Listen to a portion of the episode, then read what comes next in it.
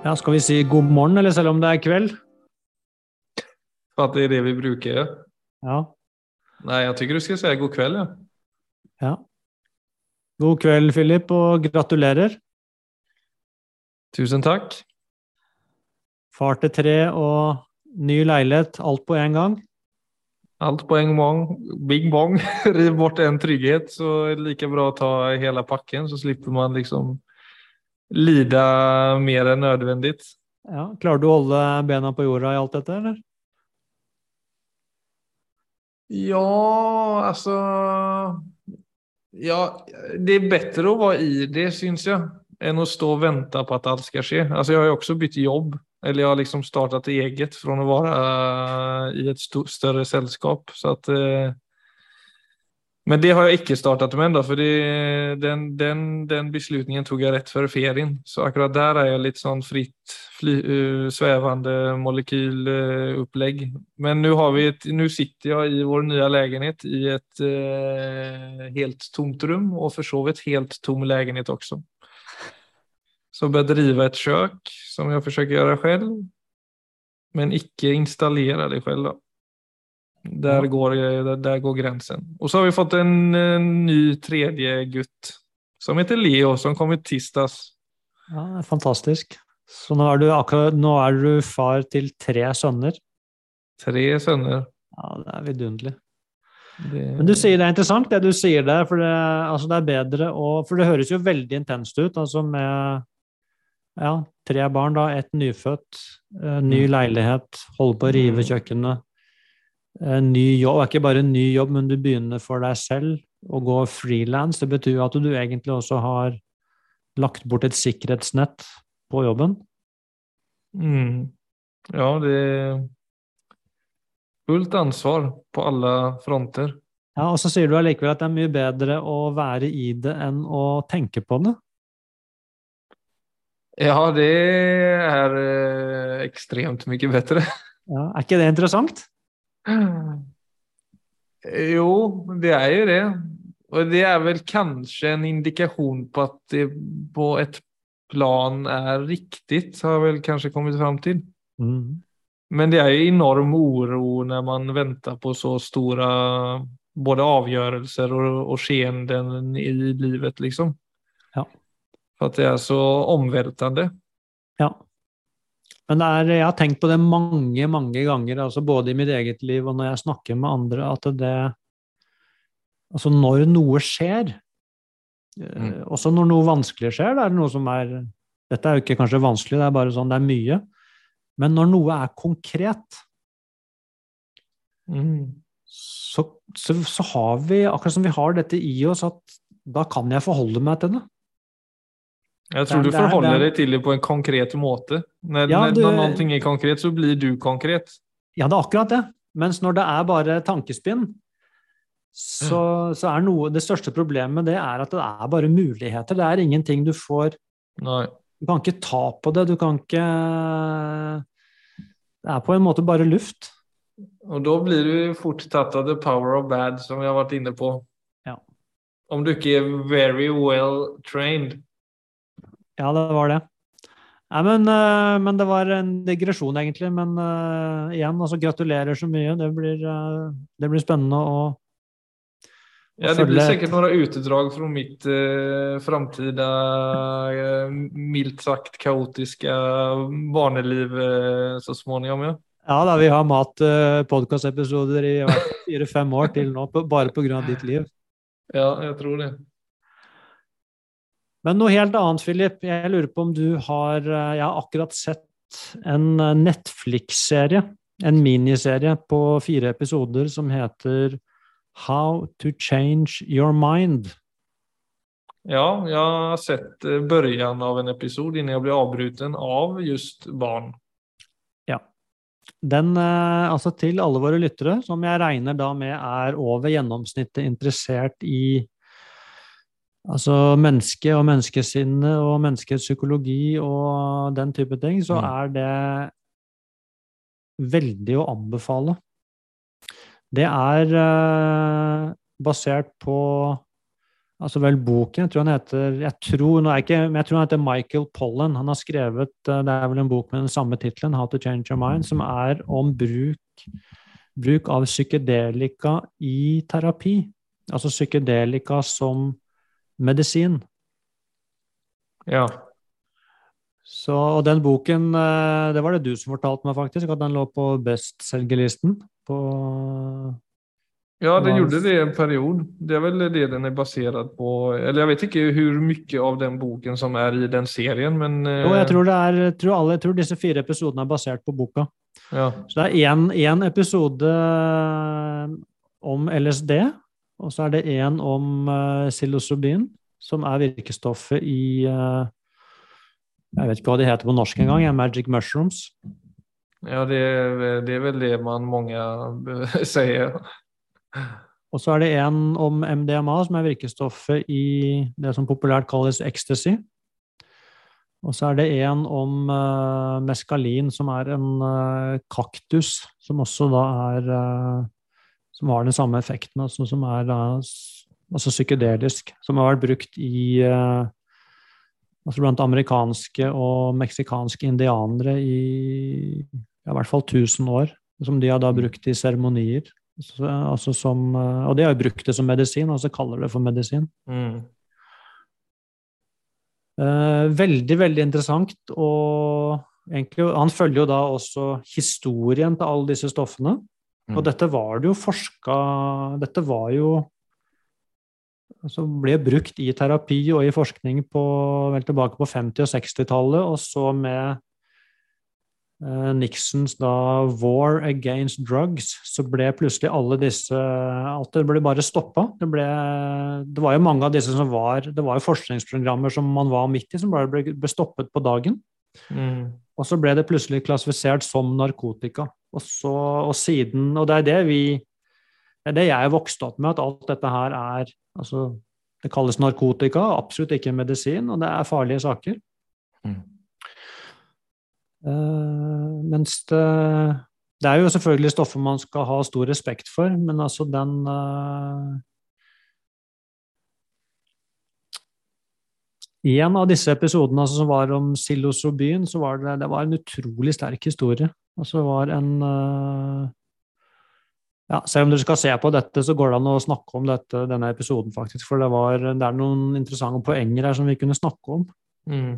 Dette, dette var en, uh, altså en mann, sikkert sånn rundt 40, tenker jeg, som slet enormt med tvangslidelse. Det hadde startet, så vidt han kunne huske, når han var seks år gammel. Han har slitt enormt med dette gjennom hele livet. Og gått eh, både i terapi og fått medisiner. Ingenting, ingenting som har hjulpet. Mm. Og så har han da Det er én behandling med psilocybin, og ganske, jeg tror da de får en ganske sterk dose. Og dette er jo filma. Og så forteller han også etterpå hva han opplever. Så det Så han tar da Dette kommer vel da i pilleform. Så vet jeg ikke hvor lang tid det tar, men når dette i hvert fall begynner å virke, så går man jo Det er jo da en, en slags altså et journey, eller da det man kaller kanskje en psykedelisk reise, men så begynner han å falle. Og da faller han sammen med altså en gammel barndomsvenn, og det tror jeg han hadde fortrengt. Så en av, Dette er jo helt tilbake til da han var guttunge, så var det en av vennene hans som falt og døde. Altså falt fra en klippe eller et fjell eller noe sånt. Så i denne reisen så faller han sammen med vennen sin. Og så treffer vennen bakken, så han stopper, men han fortsetter bare. Han går liksom gjennom og bare fortsetter å falle. Og faller og faller og faller og blir mindre og mindre, inntil han bare er et lyspunkt. Som han da opplever som sin egen essens, bare et punkt av lys. Eh, og så eksploderer det punktet også, så det blir rett slett borte. Og det erfarer han som å dø. Så når han gjenforteller dette, og det, når, han, når han forteller det, så begynner han å, å grine. Men det er ikke er, han blir så rørt når han, han snakker om det, så der, der brister han faktisk. Han sier det var ikke det at jeg sier jeg, jeg døde faktisk. Det var det han opplevde. Mm. Og så blir han til jord. Det, nu, jeg kan ha mistet en detalj. Er dette noe han ser eller noe han opplever? Dette opplever han. Dette er eh, en helt subjektiv, erfart opplevelse. Så han blir, han dør, han blir til jord, og så vokser han opp som en plante. Så det er det han erfarer. Han erfarer da seg selv som en plante som vokser opp av jorden. Og så kommer eh, han i menneskeform sammen med familien sin, altså med kona si og deres ene barn, går på tur forbi denne planten.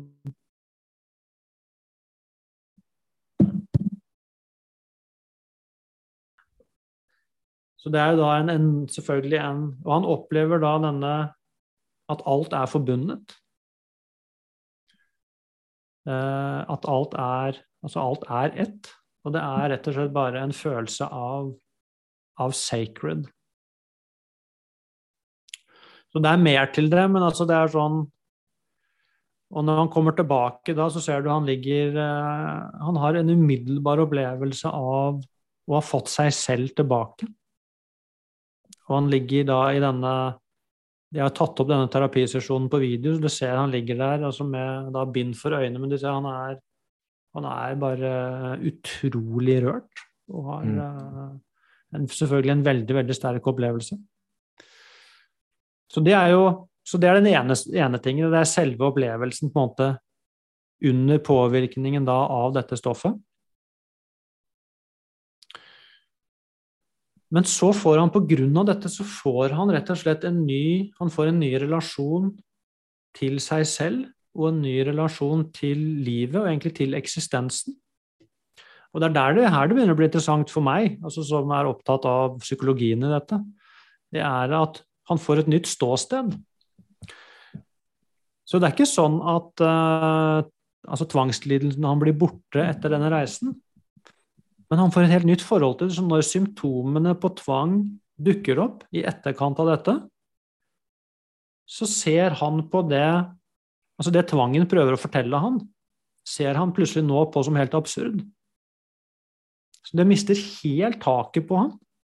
Det som tidligere har styrt livet hans, det mister nå helt taket på han.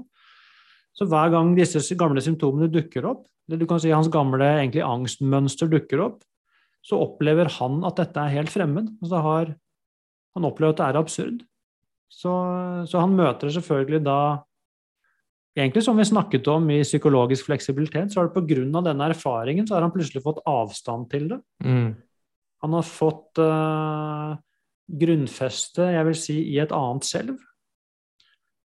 Uh, han er i stand til å observere disse symptomene med en absolutt aksept, og samtidig også den nødvendige distansen til å se det for det det er. Så i løpet av to-tre måneder så blir han symptomfri. Så nå, nå har han har ingen flere symptomer på, på tvang. altså Han ble helt frisk. Så dette var da én dose. Og dette er selvfølgelig én hendelse, men altså den eh, Resultatene liksom, i denne forskningen er jo veldig, veldig gode. Altså veldig, veldig gode resultater. Altså mye, mye, mye bedre enn noe annet jeg har sett med bruk av uh, Altså ja, medisin, da. Altså sånn uh, men, men, samtidig også utrolig rørende. Men visste du mye om dette? Om dem, altså, hva var din holdning innan du så på den serien? Hva hadde du liksom for relasjon til Altså, jeg har Jeg må vel si at jeg egentlig er sånn grunnleggende skeptisk til å bruke altså noe som helst, egentlig. Jeg husker faktisk når du sa til meg en gang men nu, at det er en sånn Det vet jeg ikke om du fortfarande tenker, men at det er en shortcut. At du kan få liksom en Ja, med psykedelika, da. At du kan få på en måte syn på noe. Ja. Men det er ingen mognadsprosess i det. Nei, og det Altså, vil jeg vel som, eh, om man tar meditasjon som et eksempel, at der er det på en måte en sånn kontinuerlig framfart og en slags mognadsprosess i det at du trener, precis som om du, precis som du går til gymmet og trener en biceps liksom. Men psykedelika är så, det är på en måte, det upplevde jag själv när jag tog alltså hasch, jag vet inte om det är som vi undersökt på.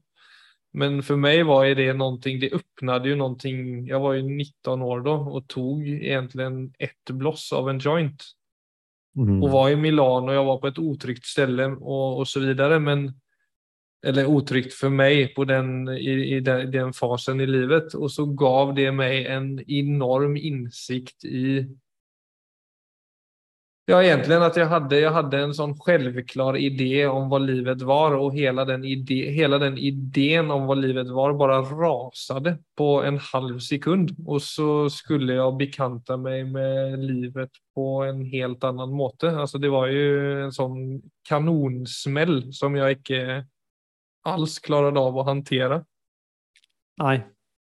Det Ja, nei, det, det, dette er jo et veldig stort tema, selvfølgelig. Altså, men min holdning har tidligere vært, og, er, og jeg vil si at det i stor grad fremdeles at og Det er klart det er mange av disse stoffene som kan åpne sinnet, definitivt. Og at man kan uh, komme i kontakt med og erfare det man da på engelsk ville kalle non-ordinary states of consciousness eller da Mm. utvidede bevissthetstilstander, hvor det er rett og slett en større innsikt om ting som, som plutselig åpner seg.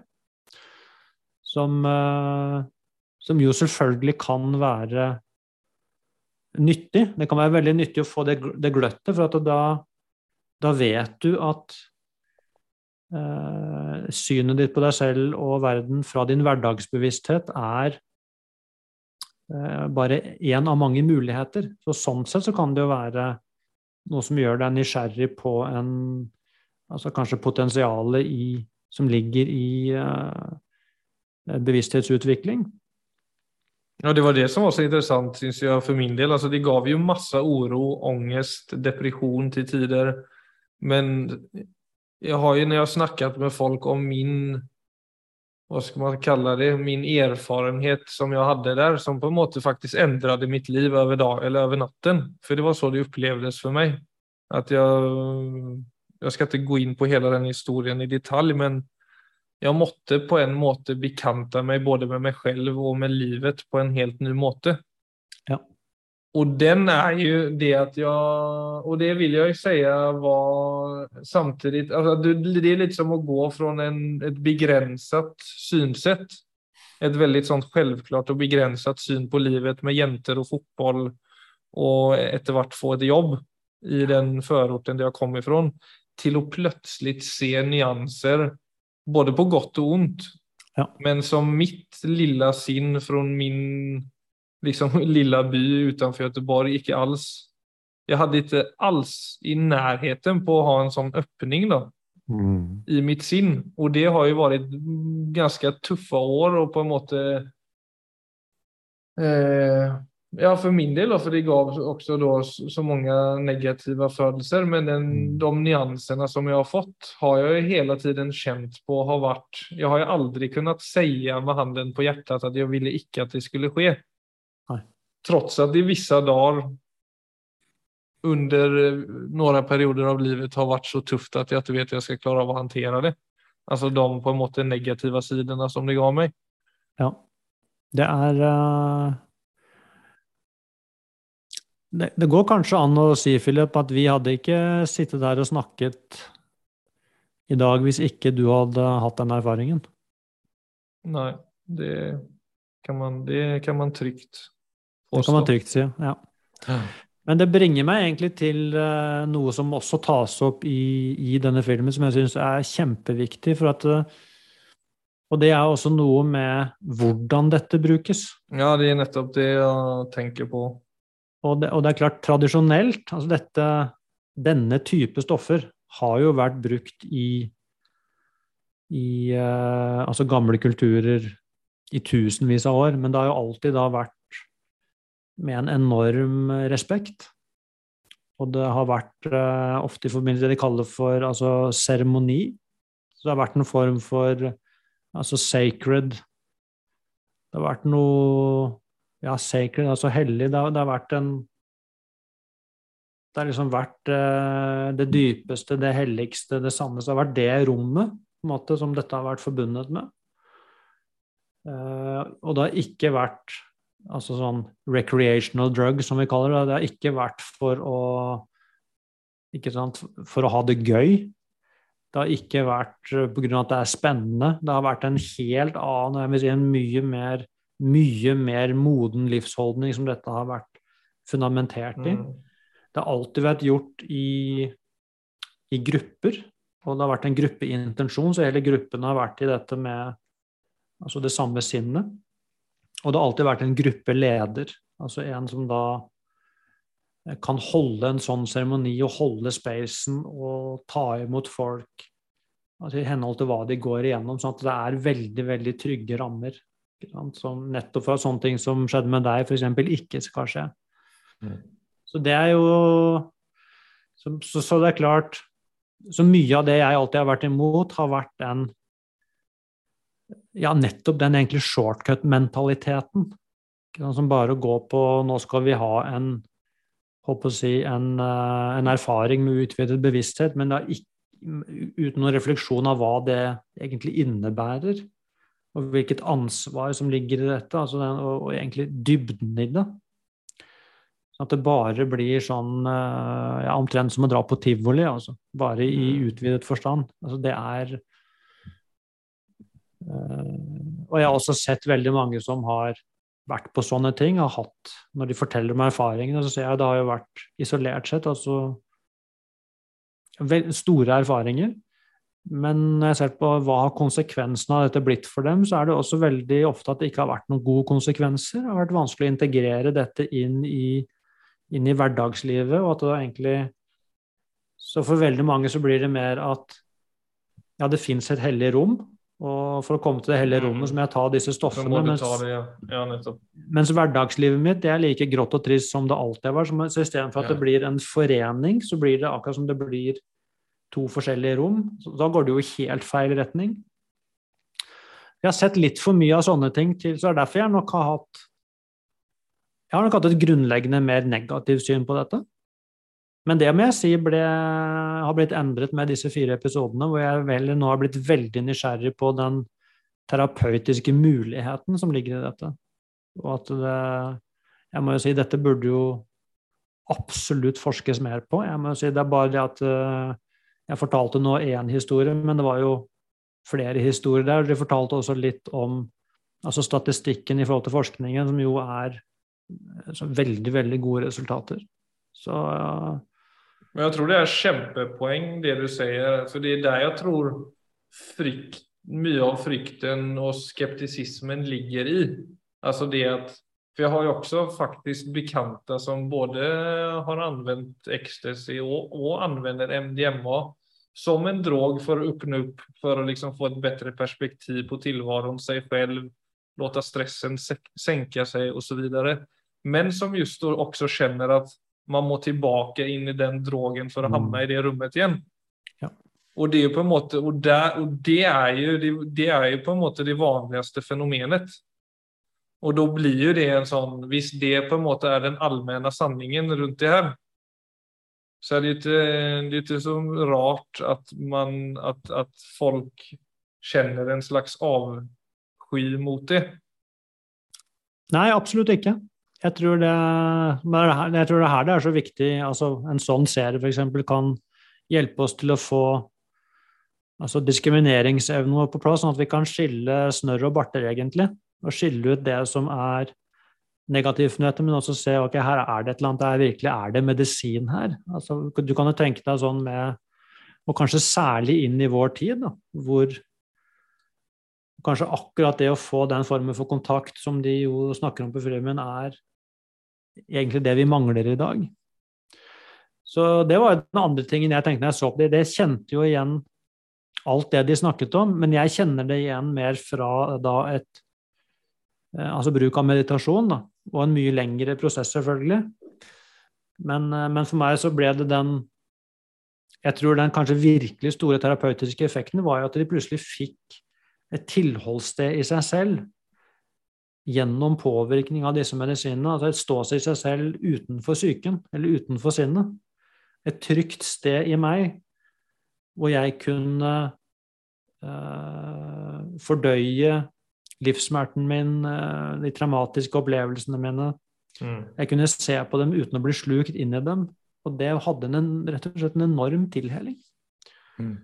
Så, så, det er den andre tingen som Og det vil jeg si er noe som jeg savna i den serien, og som jeg tror kanskje dette feltet vil trenge altså i sin uh, videre ferd fremover. Det er en psykologisk modell som er uh, litt dypere enn uh, en da hvordan vestlig psykologi beskriver menneskesinnet i dag.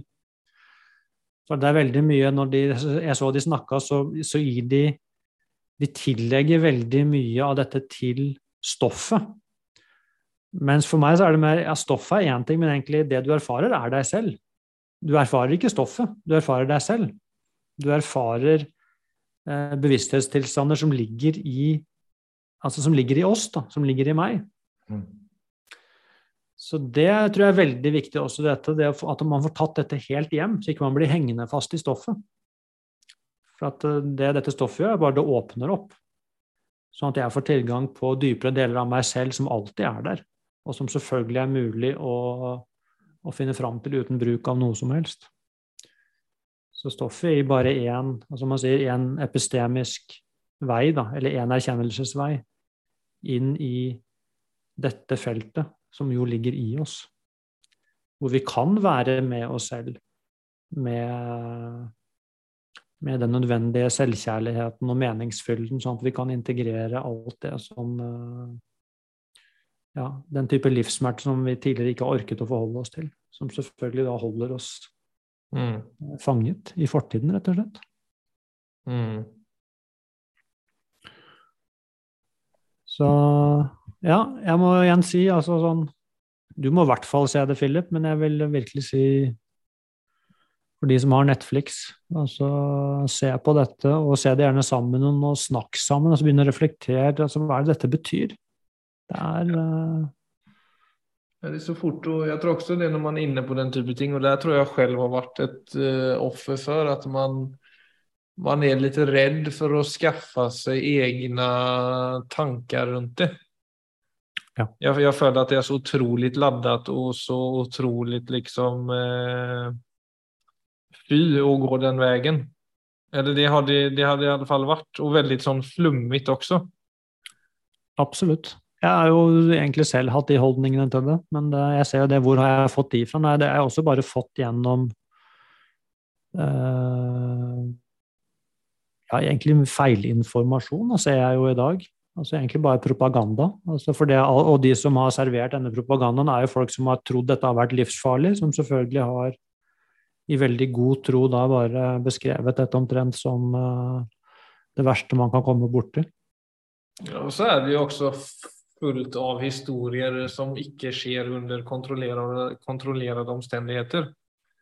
Og der er det jo forskjell på en uh, kopp te og en dose uh, ecstasy, eller hva man nå velger å stoppe i kroppen. For det er jo det er jo sånne saker som man ikke skal eksperimentere med uten å vite hva man driver med. Ja, nei, nei, absolutt. Altså. Men, det, men, det, kommer Der må jeg si altså denne serien er veldig, veldig god altså, på legge dette fram i et helt annet lys. Ikke sant? Og det er klart, når de i denne episoden om MDMA, det var jo Det, det var, visste jeg ikke i det hele tatt. MDMA, hvert fall det er jo veldig, veldig nært nå å bli godkjent som medisin. Så det er det første av disse stoffene som ja, som nå er på vei ut liksom, av den listen bare som altså klassifisert som narkotika, og faktisk blir eh, anerkjent som eh, til medisinsk bruk.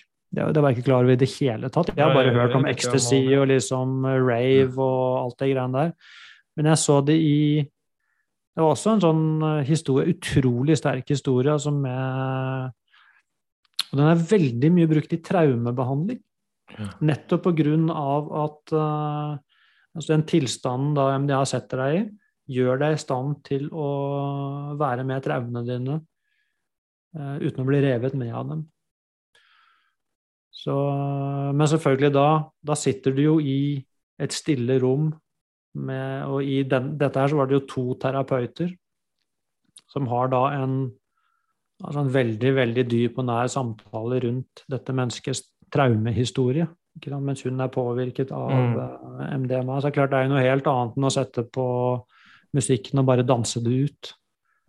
Så igjen så blir det jo da altså Én ting er altså hva stoffet gjør, og så må det inn i en kontekst hvor, det, hvor den tilstanden kan brukes på en terapeutisk måte, istedenfor at det bare blir eh, altså en høyenergetisk eh, ja, opplevelse. Som mm. sikkert da har eh, vært veldig morsom, men som jo ikke har noe tilhelingseffekt. Det blir jo bare en, eh, ja. noe helt annet. Ja, det var ju det var litt interessant, for jeg, jeg sa jo inledningsvis at jeg egentlig tänkte att jag kunde snacka lite om sommer, svenske sommartraditioner som jeg tenker jeg venter med til neste gang. Men det er Jeg må nesten si det, for jeg gikk på, för det er litt sånn på, på en måte på det temaet du snakker om nu. for jeg, var, jag tog en løptur på Sognsvann for to två siden på eftermiddagen. Och så kom jag liksom i, bara i startfasen där det är en brygga. Och då ser jag plötsligt två personer lite, lite längre bort komma gående med morgon eller med badrock. Och det, det var ju lite sånn Ja, det der altså jeg tenkte det der ser ikke helt bra ut liksom, For de flesta är liksom civiliserat klädda där. så ju närmare jag kom, ju mer och jag såg ansiktet på honom så såg jag att det var Finn Skarderud. Okay. han var han var ikke på rus. Men det var på en måte det som slog meg når jeg såg to komma gående der. Liksom de, de, de, de har liksom sporet ur från et eller annet hem og hamnat her oppe. Men, men Sångsvan har jo en nabo vet du, og det er jo Finn.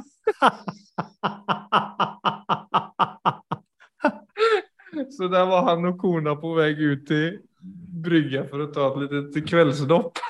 Ja, fantastisk. Ja, helt herlig.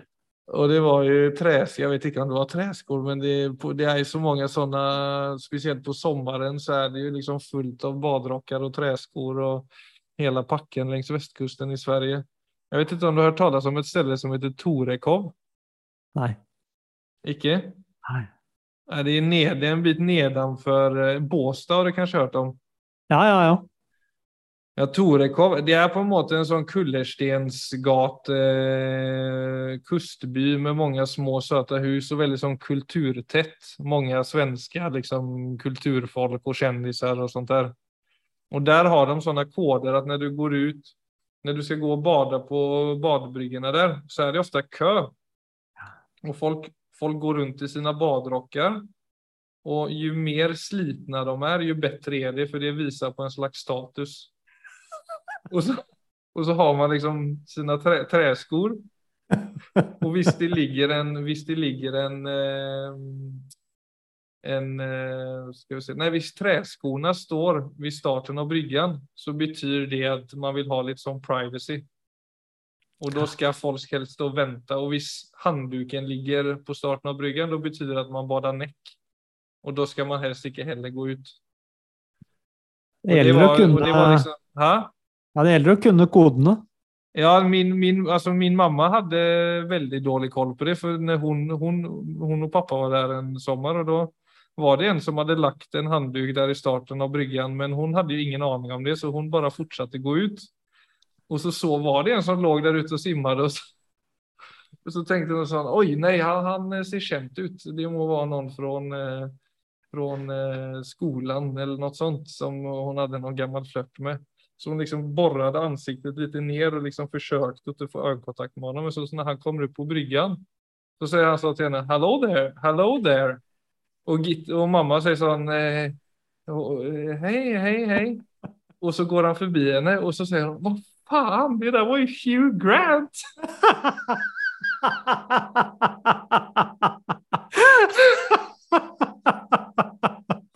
Og hun er liksom ikke det mest, Hun er ikke sånn kulturperson eller sånn. Hun er også litt sånn vimsig så hun har liksom det er veldig sånn typisk henne at hun går inn i en sånn virkelighet om at her er det noen gammel klasskamrat fra ungdomsåren. Og så var hello there. og hun, hon, er ikke heller den skarpeste på engelska så det er veldig sånn hej, hej, hej. og så går han forbi og så OK, ja, nej det var Hugh Grant. Han har jo en svensk tjej, så de har liksom sommarställe där. Ja, nettopp. Så ja, nej det var en sommartradition. Den andre kan jeg vente med til neste, episod. episode. Ok, Philip. Det var, eh, det var en morsom avslutning. Ja. Takk for den. Litt rus her og der. Takk for i dag. Takk for i dag.